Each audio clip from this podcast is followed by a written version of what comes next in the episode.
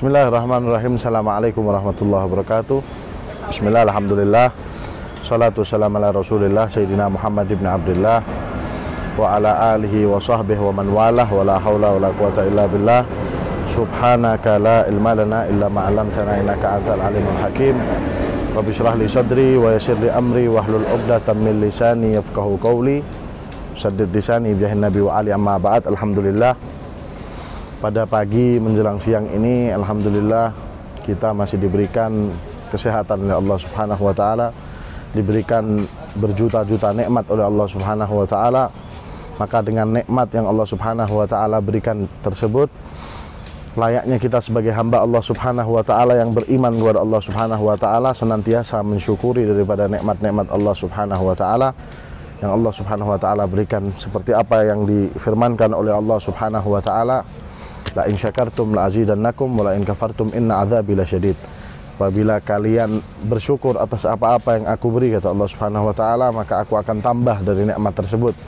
Akan tetapi apabila kalian tidak pernah mensyukuri daripada nikmatku kata Allah Subhanahu wa taala inna adzabi lasyadid maka ingatlah sesungguhnya azabku sangat pedih kata Allah Subhanahu wa taala. Ikhwani yang dirahmati oleh Allah Subhanahu wa taala perkenalkan Al-Fagir adalah Sayyid Rifki bin Umar Maula Aidid Al-Fagir dari kota Solo Jawa Tengah. Alhamdulillah Al-Fagir pada kesempatan ini ingin menyampaikan sedikit tentang uh, sedikit bagaimana profil Al-Fagir. Kadang orang-orang banyak yang tanya mungkin pernah pondok di mana, mungkin pernah belajar di mana, mungkin pernah nyantri di mana. Alhamdulillah Al-Fagir pertama kali memulai belajar daripada ilmu agama. Al-Fagir mulai pembelajaran ilmu agama Al-Fagir ketika Al-Fagir berada di kelas kira-kira kelas 3 SD Al-Fagir mulai belajar Al-Fagir hadir majelis-majelis taklim yang ada di kota Solo. Al-Fagir datang untuk memulai uh, pemulaian mencari ilmu atau mulai menginginkan diri untuk ada ketertarikan untuk belajar ilmu agama, ilmunya Allah, ilmunya Nabi Muhammad SAW. Lalu Al-Fagir kira-kira di kelas 6 SD, Al-Fagir mulai belajar dan permulaian-permulaian belajar Al-Fagir, Al-Fagir belajar kepada Al-Habib Alwi bin Ali Al-Habsyi yang ada di kota Solo dan Al-Habib Muhammad bin Husain Al-Habsyi yang juga ada di kota Solo. Alhamdulillah beliau adalah dua sosok yang memperkenalkan pertama Al-Fagir tentang ilmu-ilmunya Allah Subhanahu wa taala.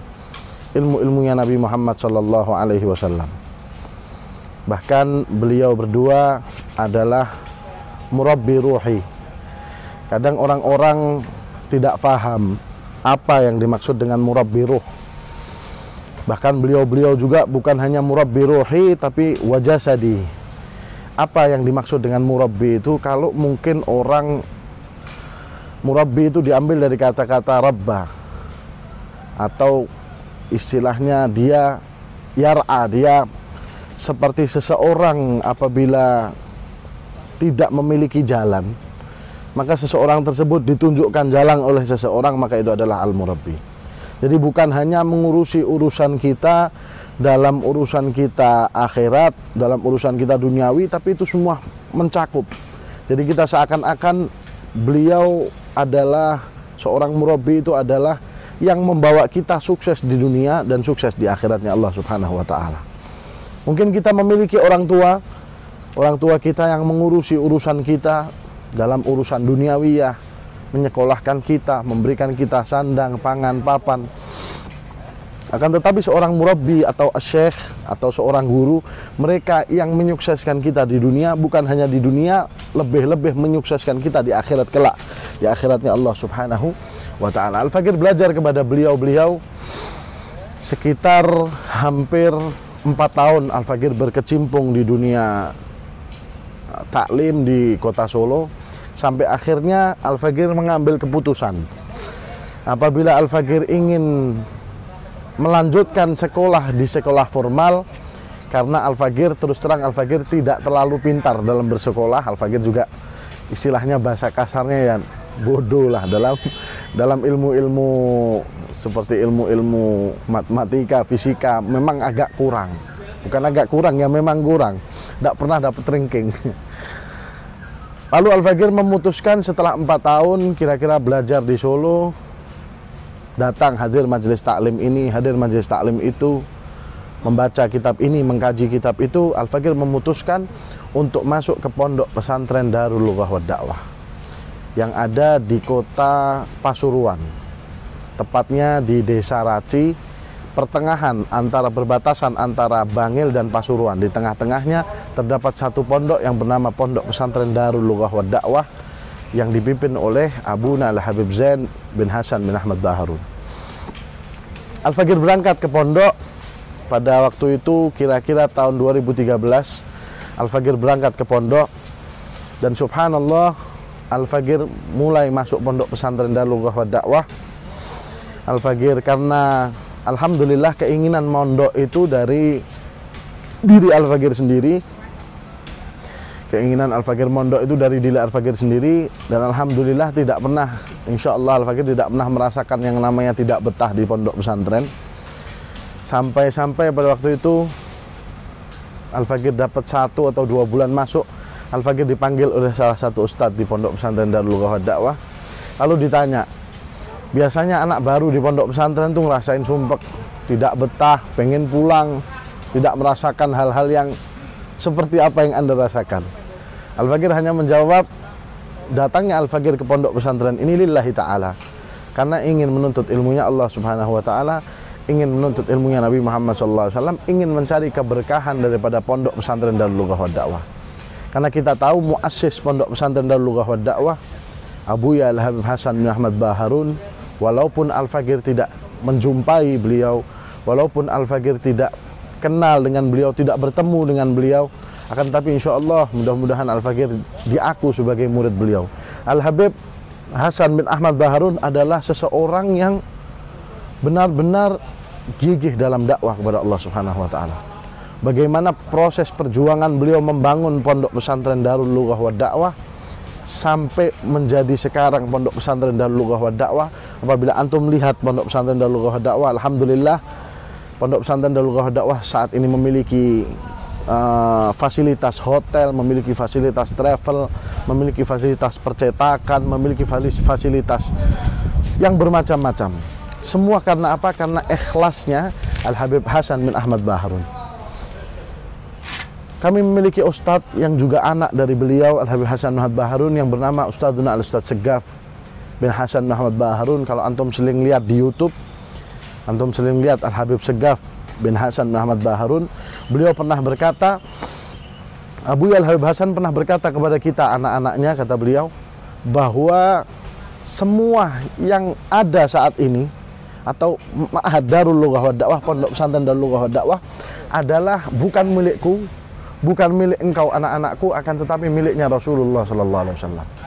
Beliau tidak pernah melihat seseorang yang ikhlasnya melebihi ayah beliau Habib Hasan bin Ahmad Baharun. Perjuangan dakwah yang sangat luar biasa yang dilakukan oleh beliau sehingga Al-Fakir menjadi tambah semangat, Al-Fakir menjadi tambah ini adalah wadah yang tepat buat buat Al-Fakir. Alhamdulillah Al-Fakir belajar di Pondok Pesantren Darul Lughah wa Dakwah dengan insya Allah ridho dari Ustadz-Ustadz Al-Fakir, Al-Habib Alwi bin Ali Al-Habsyi, Al-Habib Muhammad bin Husain Al-Habsyi, dan Ustadz-Ustadz lainnya yang berada di kota Solo.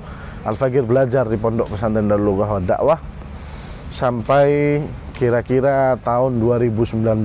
2019 awal Al-Fakir bahasanya santri itu boyong Al Fakir boyong dari pondok pesantren Dalugah Dakwah dan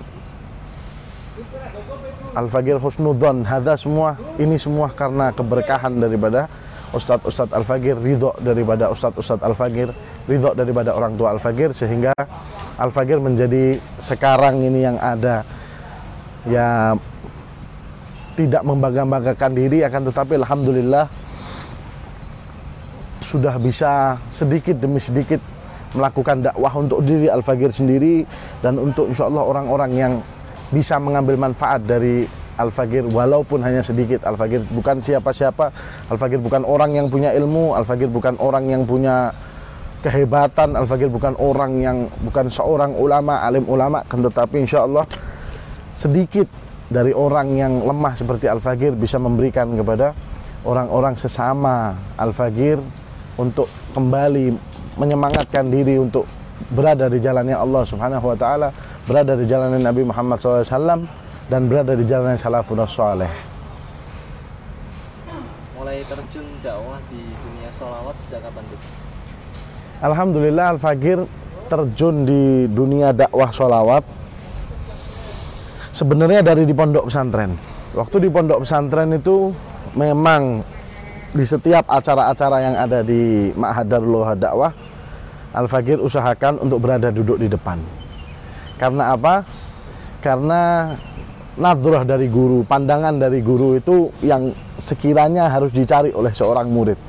Ya bagaimanapun kita mau dilihat oleh guru kita, mau dipandang oleh guru kita. Bukan kita terus sok-sokan oh kita di depan harus dipandang oleh guru kita ndak. Akan tetapi sebisa mungkin kita lihat, kita tunjukkan kepada guru kita ini adalah kita, ini adalah khidmah kita, ini adalah bentuk kecintaan kita kepada kepada guru-guru kita. Al-Fagir memulai dakwah dengan gosidah saat berada di pondok pesantren Darullah Dakwah. Alhamdulillah Al Fakir punya firgoh, bukan punya firgoh, bukan punyanya Al Fakir maksudnya firgoh tersebut. Firgoh perkumpulan anak-anak Jawa Tengah. Jadi di pondok pesantren Darullah itu ada perkumpulan-perkumpulan. Ada perkumpulan Jawa Tengah, ada perkumpulan Jawa Timur, ada perkumpulan Jawa Barat, Jakarta, Bandung, itu punya perkumpulan sendiri. Jadi memang Abu Hasan Baharun itu menyuruh mereka, menyuruh santri-santrinya untuk sekiranya mereka berkumpul setiap malam Jumat, sekiranya mereka membahas, mereka menjadikan kumpulan tersebut kumpulan yang bermanfaat sehingga ketika mereka pulang daripada pondok pesantren tersebut, mereka bisa istilah mengaplikasikan nama pondok pesantren yaitu Darul Lughah wa Dakwah itu sendiri. Mengaplikasikan daripada nama pondok pesantren yang Darul Lughah wa Dakwah, artinya rumah bahasa dan dakwah. Jadi karena kenapa diberi nama Darul Lughah wa Dakwah? Karena memang di Pondok Pesantren Darul Lughah wa Dakwah kita di lebih diajukan kepada pemahaman kitab dengan bahasa. Kalau kita lihat di pondok-pondok pesantren yang lain mungkin kitab-kitabnya banyak coret-coretan arti. Akan tetapi kita di Pondok Pesantren Darul Lughah Dakwah kita diajarkan dulu bagaimana faham bahasa Arab sehingga kita membaca kitab-kitab kitab-kitab Arab yang berbasic bahasa Arab kita tidak perlu menerjemahkan karena sudah tahu atau faham dengan arti-artinya. Jadi kita Al-Fakir mulai hmm, dakwah dengan gosidah dimulai di Pondok Pesantren Darul Dakwah pada saat itu setiap malam Jumat Al-Fakir dengan Firgoh Al-Fakir Jawa Tengah, kumpulan Al-Fakir Jawa Tengah memiliki hadroh namanya Anwarul Muktafa Alhamdulillah sampai sekarang di Pondok Pesantren Darul Dakwah juga masih berjalan firgoh tersebut. Setiap malam Jumat Al-Fakir keluar di desa daerah pondok yang namanya Desa Raci. Kita ke musola, salah satu musola untuk maulid malam Jumat di musola tersebut rutin Alhamdulillah setiap minggu. Dan di situ mulai Al-Fakir sering melakukan istilahnya uh, dakwah melalui gosidah. Pelan-pelan dari pinggir dari pinggir-pinggir pondok. Sampai alhamdulillah saat ini masih Al Fagir keliling ke mana-mana untuk sekiranya bermanfaat atau bisa menumbuhkan sama-sama kecintaan di diri Al Fagir dan di diri orang-orang yang bersama kita khususnya orang-orang Nahdlatul Ulama khususnya orang-orang Ahlu Sunnah wal Jamaah untuk menumbuhkan kecintaan kita kepada Rasulullah SAW dengan syair-syair, gasidah-gasidah yang dikarang oleh mereka-mereka orang-orang yang dekat dengan Allah Subhanahu wa taala yang kerinduan mereka sudah menggebu-gebu kepada Nabi Muhammad SAW tujuannya adalah supaya kita juga memiliki rasa ghirah atau bisa tumbuh di hati kita cinta kepada Nabi Muhammad sallallahu alaihi wasallam.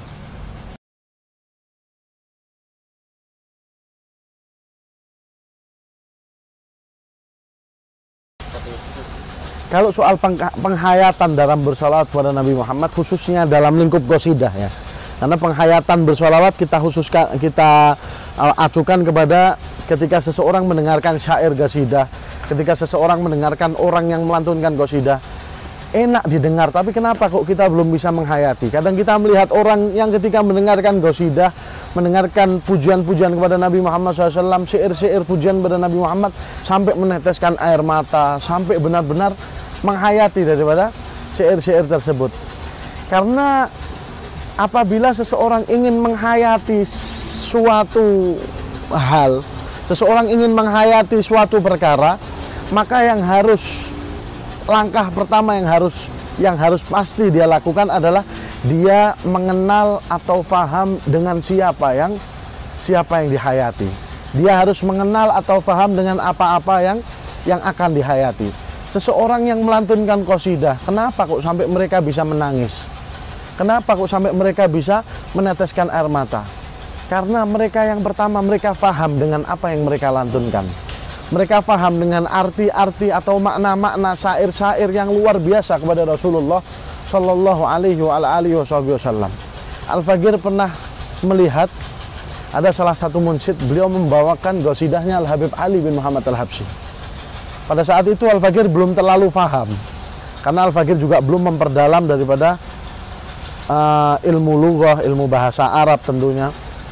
Jadi mungkin Al-Fagir mendengar gosidah tersebut. Al-Fagir merasa biasa saja. Tapi ketika orang yang membaca tersebut meneteskan air mata Al-Fagir malah bingung. Loh ini apa yang dibaca? Kok sampai meneteskan? Meneteskan air mata. Pada saat itu syair yang dibaca Faya Rabbi Syarifni Biru'yati Sayyidi.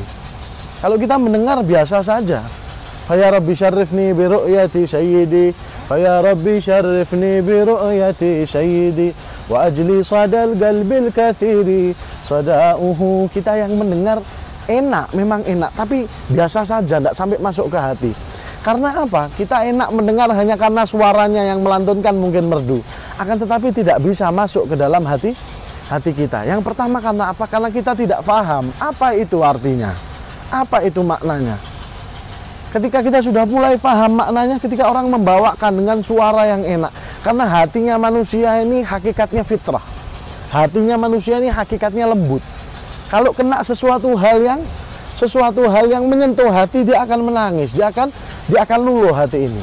Yang bisa membuat hati manusia keras itu ya manusia itu sendiri. Tapi fitrahnya hati manusia adalah adalah apa namanya hati yang hati yang lembut, hati yang gampang luluh. Apabila kita dengarkan Faya Rabbi syarifni biru'yati sayyidi Ini bukan macam-macam. Faya Rabbi syarifni Ya Allah muliakanlah aku ya Allah. Biru'yati sayyidi Dengan bisa memandang Nabi Muhammad Sallallahu alaihi wasallam. Pernah tidak kita berdoa sampai seperti itu? Ya Allah muliakanlah kami ya Allah. Dengan apa? Bukan kita ya Allah muliakanlah kami dengan jabatan? Ya Allah ya Allah muliakanlah kami dengan kepintaran ya Allah. Ya Allah muliakanlah kami dengan hal-hal yang lain tidak. Tapi ya Allah muliakanlah kami dengan bisa memandang Nabi Muhammad SAW apabila kita sudah mulai masuk kita sudah mulai bisa memahami arti-arti syair maka sedikit demi sedikit bakal ada penghayatan di dalam hati. Syair-syair yang dibacakan oleh salafun soleh ini sangat luar biasa pujian kepada Nabi Muhammad SAW sangat luar sangat luar biasa. Al Habib Abdullah bin Ali Al Haddad beliau mengarang gosidah, diwan gosidah, banyak memuji kepada Nabi Muhammad Sallallahu Alaihi Wasallam. Ayah sayyi uh, Habib uh, Habibi Rasulullah inni ubaidukum uh, fagirun dhaifun la utiku tasabbura beliau kata ya Rasulullah ya Habibullah kami ini. Hambanya engkau ya Rasulullah. Bahkan dalam kata Arab dalam lughah bahasa Arab itu kalau abdun itu hamba. Tapi kalau sudah pakai sirah ubaidun itu hamba yang paling rendah. Fagirun doifun kita miskin ya Rasulullah. Kita lemah ya Rasulullah. La utiku tasabbura sudah kita nih hamba yang paling rendah masih tidak bisa menjaga daripada daripada sabar kita. Maka gimana kita mau sampai menghayati seperti orang-orang yang banyak kita lihat. Ketika mereka melantunkan kosidah seakan-akan mereka terhanyut dalam kosidah tersebut. Seakan-akan mereka terbawa dalam kosidah tersebut. Karena intinya adalah mereka faham dengan apa yang mereka kosidahkan dan mereka faham dengan apa yang mereka apa yang mereka dengar. Memang kadang saking enaknya pembawaan dari seorang yang membawakan kosidah sampai kita meneteskan air mata Padahal kita belum paham daripada daripada artinya, tapi saking enaknya kita dengar gosidah ini dibawakan, sholawat ini dibawakan, sampai kita meneteskan air mata. Fakaifa idza kana bagaimana kalau kita paham daripada arti syair-syair tersebut. Kalau kita mau menghayati arti syair, maka Al-Fakir selalu menekankan kalau mau baca buku maulid, kira-kira kita sebagai orang-orang yang sekelas Al-Fagir apalagi kalau mau baca buku maulid tidak mungkin kita baca atau gitu bisa paham makna-makna apa yang ada di kitab maulid. Kitab maulid adalah sejarah kehidupan Nabi Muhammad. Kalau bisa beli kitab yang ada terjemahannya. Jadi orang baca kita semak sambil kita lihat sedikit-sedikit terjemahannya. Bagaimana kehidupan Rasulullah SAW begitu juga dengan dengan buku-buku qasidah. Kita bisa beli buku qasidah yang ada yang ada terjemahannya. Walaupun terjemahan kadang sifatnya baku akan tetapi tetap mendekati kepada sifat kepada sifat makna daripada daripada qasidah tersebut jadi intinya kalau kita mau enak, kita mau paham, kita mau sama-sama meresapi, intinya adalah kita bisa mendengarkan pertama dengan meresapi daripada arti daripada gosidah yang dibawakan oleh seorang pelantun gosidah tersebut.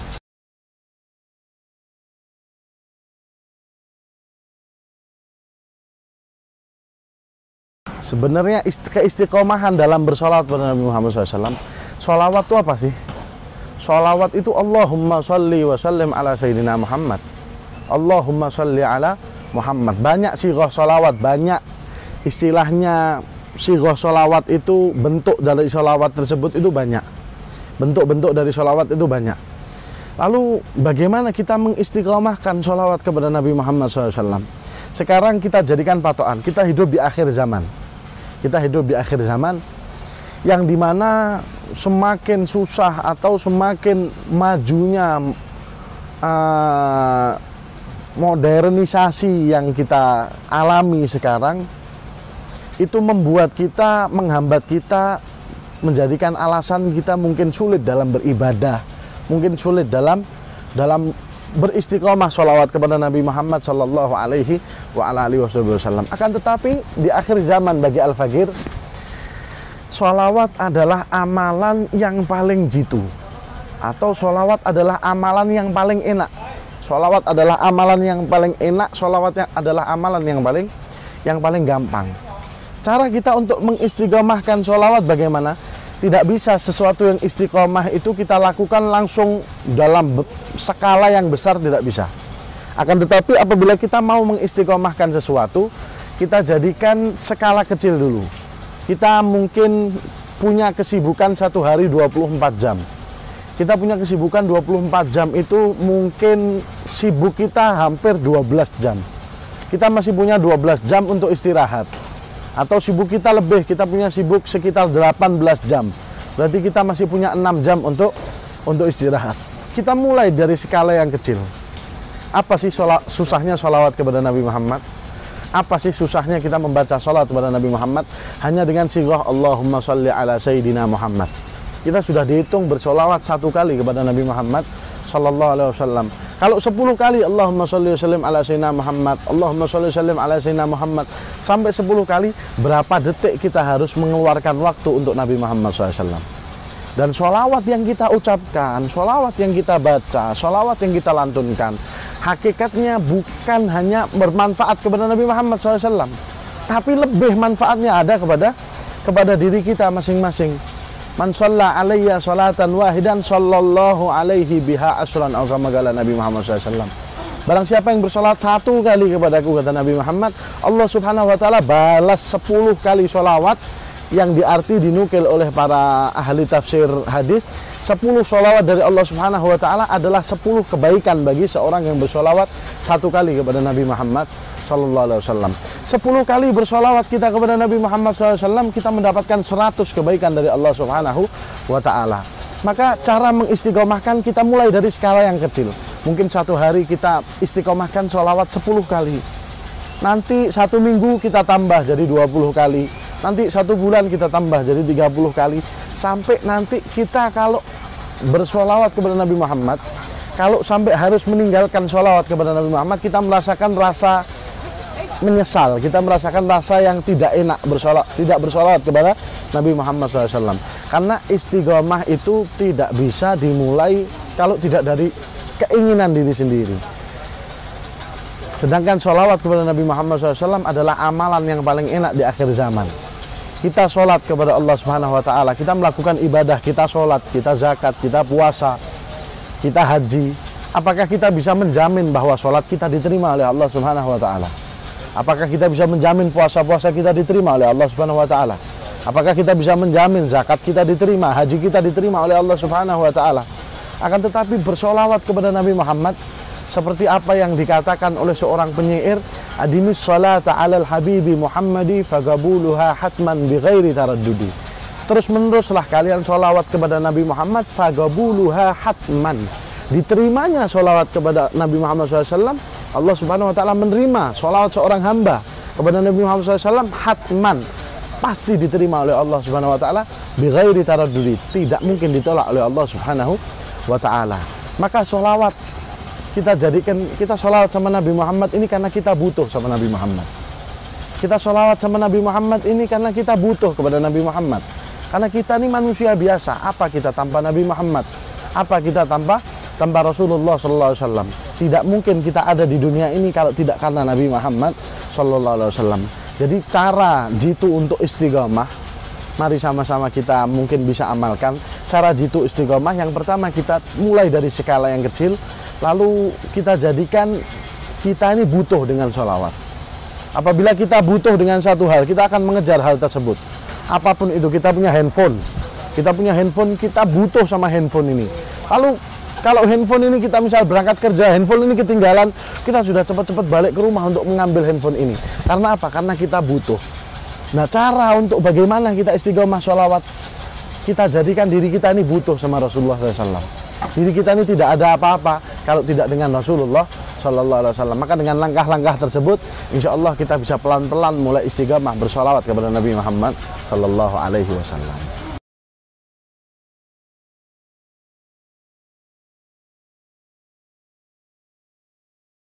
Kalau ijazah solawat Al-Fagir mendapatkan ijazah sholawat dari guru Al-Fagir Al-Habib Abu Al-Habib Zain bin Hasan Muhammad Baharun yang beliau dapatkan dari gurunya Sayyid Muhammad bin Alwi Al-Maliki adalah sholawat yang biasa dibaca di pondok pesantren dan lugah dakwah setiap hari Jumat. Tapi sholawat itu apa namanya terkumpul dalam satu kitab yang biasa kita baca. Kalau ijazah-ijazah yang lain, Al-Fakir pikir sholawat kepada Nabi Muhammad SAW tidak terlalu membutuhkan dengan dengan ijazah karena ijazah itu biar kita ada biar kita ada silsilah sanat. Kenapa kok ada ijazah ilmu? Kenapa kok ada ijazah ijazah amalan supaya amalan ini ilmu ini kita memiliki sanat. Oh, kita dapat amalan ini dari siapa? Dari Al Habib Fulan atau dari Kiai Fulan. Kiai Fulan dapat dari siapa? Dari gurunya. Gurunya dapat dari gurunya. Gurunya dapat dari dari gurunya supaya memiliki memiliki sanat. Akan tetapi dalam hal bersolawat kita cukup istiqomahkan. Kita cukup jadikan solawat sebagai aspek kehidupan kita sehari-hari Jadikan di diri kita tidak bisa kita hidup kalau tidak bersolawat kepada Nabi Muhammad Sallallahu Alaihi Wasallam. Jadikan tidak ada hari-hari yang terlewatkan di hari kita tanpa bersolawat kepada Nabi Muhammad Sallallahu Alaihi Wasallam. Walau cuma 10 10 kali solawat dalam satu hari itu istilahnya titik paling rendah ya kita 10 kali solawat itu titik paling rendah. Apalagi kita bisa menambah, menambah, menambah. Kalau dibilang tadi pertanyaan yang sebelum-sebelumnya, kadang kita sibuk Beb, dengan pekerjaan kita, dengan urusan kita, begini, begini, begini. Apa sih susahnya? Kita duduk kayak gini, misal kita duduk, apalagi misal yang kuliah atau yang sekolah, kita ambil yang sekolah ya, karena apa namanya bisa dibahasakan orang-orang yang umurnya sebaya dengan Al-Fagir masih kebanyakan kuliah di istilahnya berada di jenjang kuliah umuran-umuran yang sebaya dengan Al-Fagir. Masih apa namanya duduk di bangku kuliah sebagai mahasiswa. Kita sebagai mahasiswa kita sebagai seorang santri apalagi. Kita sebagai seorang kita sebagai seseorang pelajar, apabila kita duduk menunggu guru datang masuk ke kelas, waktu kosong apa yang kita lakukan? Sesibuk-sibuknya manusia hidup di dunia ini tetap memiliki waktu kok kosong. Kita jadikan waktu kosong tersebut dengan hal-hal yang yang bermanfaat. Contohnya apa? Bersalawat kepada Nabi Muhammad Sallallahu Alaihi wa ala wasallam. Apa yang disabdakan oleh Nabi Muhammad Sallallahu Alaihi Wasallam? Siapa-siapa yang paling banyak solawatnya kepada aku kata Nabi Muhammad itu sebagai kedudukan mereka kelak di surganya Allah Subhanahu wa taala bersamaku. Karena ma'i fil jannah kata Nabi Muhammad bahkan di, diartikan bersama Nabi Muhammad SAW di surganya Allah Subhanahu wa taala sebuah pencapaian yang besar. Apa kehidupan kita yang kita harapkan kalau tidak bersama Nabi Muhammad SAW? Kalau tidak dengan memandang Nabi Muhammad SAW. Bagaimana kelak kalau kita sedikit bersalat kepada Nabi Muhammad, kita tidak diaku umatnya Nabi Muhammad. Padahal cintanya umat Nabi cintanya Nabi Muhammad SAW kepada umatnya luar biasa. Tapi pernah tidak kita mikir takut tidak kita tidak diakui umatnya Nabi Muhammad? Pernah tidak kita mikir, Ih, tahu tidak Nabi Muhammad sama kita ini tahu tidak? Nabi Muhammad sama kita ini faham tidak? Apakah Nabi Muhammad tahu sama kita? Apakah kelak kita di Siratul Mustaqim dipanggil sama Nabi Muhammad? Apakah kelak kita di hot diminumkan air hot dari tangan Nabi Muhammad SAW? Apakah kita kelak di surga bisa melihat wajah Nabi Muhammad SAW? Apakah pernah terlintas di pikiran kita seperti itu? Bagaimana kalau kita berada di surganya Allah Subhanahu wa taala tapi tidak bisa melihat Nabi Muhammad sallallahu alaihi wasallam? Seperti apa yang dikatakan oleh Al Habib Ali bin Muhammad bin Husain Al Habsyi Bukanlah aku mau masuk artinya ya Bukanlah aku mau masuk ke dalam surganya Allah. Karena bukan hanya kenikmatan yang ada di surga tersebut Tapi karena nikmatnya kita bisa melihat Nabi Muhammad SAW Bisa mengalahkan nikmat semua yang pernah ada Daripada kenikmatan tersebut. Memandang wajah Nabi Muhammad Sallallahu alaihi wasallam Pernah tidak punya kepikiran pengen mimpi Nabi Muhammad SAW? Kadang kita mikir kayak gini, waduh mimpi Nabi Muhammad SAW kok mustahil. Mimpi Nabi Muhammad SAW memang kalau dari tarafan diri kita yang istilahnya dibandingkan dengan salafun soleh kita kita ini masih TK semua. Kita kita ini masih taraf TK tapi mereka salafun soleh mereka sudah sarjana S1 S2 S3 memang kita beda dengan mereka. Karena apa? Karena kehidupan kita beda dengan mereka. Tapi asyagi bagi Tuhan kita Allah Subhanahu wa taala. Tuhan beliau-beliau Allah Subhanahu wa taala. Yang memberikan kepada beliau kemuliaan mimpi kepada Nabi Muhammad adalah Allah Subhanahu wa taala. Maka tidak menutup kemungkinan Allah Subhanahu wa taala memberikan kepada kita kemuliaan mimpi Nabi Muhammad SAW. Asalkan kita mau. Seperti apa yang disabdakan Rasulullah. Semua umat kullu ummati yadkhulul jannah illa man illa man aba. Semua umatku masuk surga kata Rasulullah Kecuali apa? Kecuali yang tidak mau. Nah, tergantung kita mau apa enggak. Kita mau enggak di surga sama Rasulullah. Kita mau enggak bisa lihat Rasulullah. Kita mau enggak bisa bisa melihat Rasulullah SAW di surga, duduk dengan Rasulullah SAW di surganya Allah Subhanahu Wa Taala. Mau enggak kita mendapatkan kemuliaan, bisa mimpi Nabi Muhammad SAW. Nah, kalau kita mau, kalau kita memiliki kemauan, maka langkah yang paling utama untuk menumbuhkan cinta kepada Nabi Muhammad, perbanyak sholawat. Loh Beb kita susah Beb Kita nih cinta sama Nabi Muhammad itu mungkin hanya sekedar di mulut. Mungkin sekarang kita cinta hanya sekedar di mulut. Mungkin sekarang kita cinta hanya sekedar di di mulut. Akan tetapi kalau kita istiqamah bersolat kepada Nabi Muhammad Istiqamah bersolat kepada Nabi Muhammad Mau tahu bagaimana kehidupan Nabi Muhammad SAW Mau tahu gimana akhlak-akhlaknya Nabi Muhammad. Mau tahu bagaimana kehidupan rumah tangga Nabi Muhammad, bagaimana kehidupan muamalah Nabi Muhammad SAW. Kalau kita mau untuk tahu itu semua dan mencari tahu bagaimana kehidupan Rasulullah SAW, insya Allah cinta itu bukan hanya di mulut tapi akan segera tumbuh di di dalam hati. Maka intinya kalau dalam ijazah bersolat kepada Nabi Muhammad SAW, Al-Fagir tidak memiliki ijazah yang khusus, akan tetapi Al-Fagir hanya memberikan kepada antum, menghimbau kepada antum, ayo di akhir zaman ini berlomba-lomba sholawat kepada Nabi Muhammad. Kita tunjukkan bahwa kita adalah umat Nabi Muhammad SAW yang bersyukur. telah dijadikan oleh Allah Subhanahu wa taala sebagai umat Nabi Muhammad sallallahu alaihi wa wasallam umat kuntum khaira ummatin ukhrijat linnas. Engkau adalah sebaik-baik umat dari sebaik-baik nabi yang pernah diutus oleh Allah Subhanahu wa taala. Apa rasa syukur kita? Milih enggak kita jadi umatnya Nabi Muhammad? Pernah milih kita jadi umatnya Nabi Muhammad? Enggak pernah. Kita diberikan oleh Allah kenikmatan jadi apa? Jadi umatnya sebaik-baik nabi Nabi Muhammad sallallahu alaihi wasallam. Maka dengan apa kita menunjukkan rasa syukur kita dengan memperbanyak sholawat kepada Nabi Muhammad, mengenal di, mengenalkan diri kita, mengenalkan anak-anak kita, keluarga kita, siapa Nabi Muhammad SAW. Yang terpenting mengidolakan Nabi Muhammad Sallallahu Alaihi wasallam. Sudah banyak kita dari kawala muda ini, khususnya anak-anak anak-anak muda, baik dari anak-anak muda Nahdlatul Ulama Ahlus Sunnah wal Jamaah, mungkin kita sudah mulai mengidolakan yang lain-lain, sudah mulai ke fase-fase yang penyanyi-penyanyi yang mereka melantunkan lagu-lagu tentang cinta. Kita tidak salah kita berkecimpung dengan cinta, kita masa muda mungkin. Saatnya kita labil-labilnya dalam urusan cinta.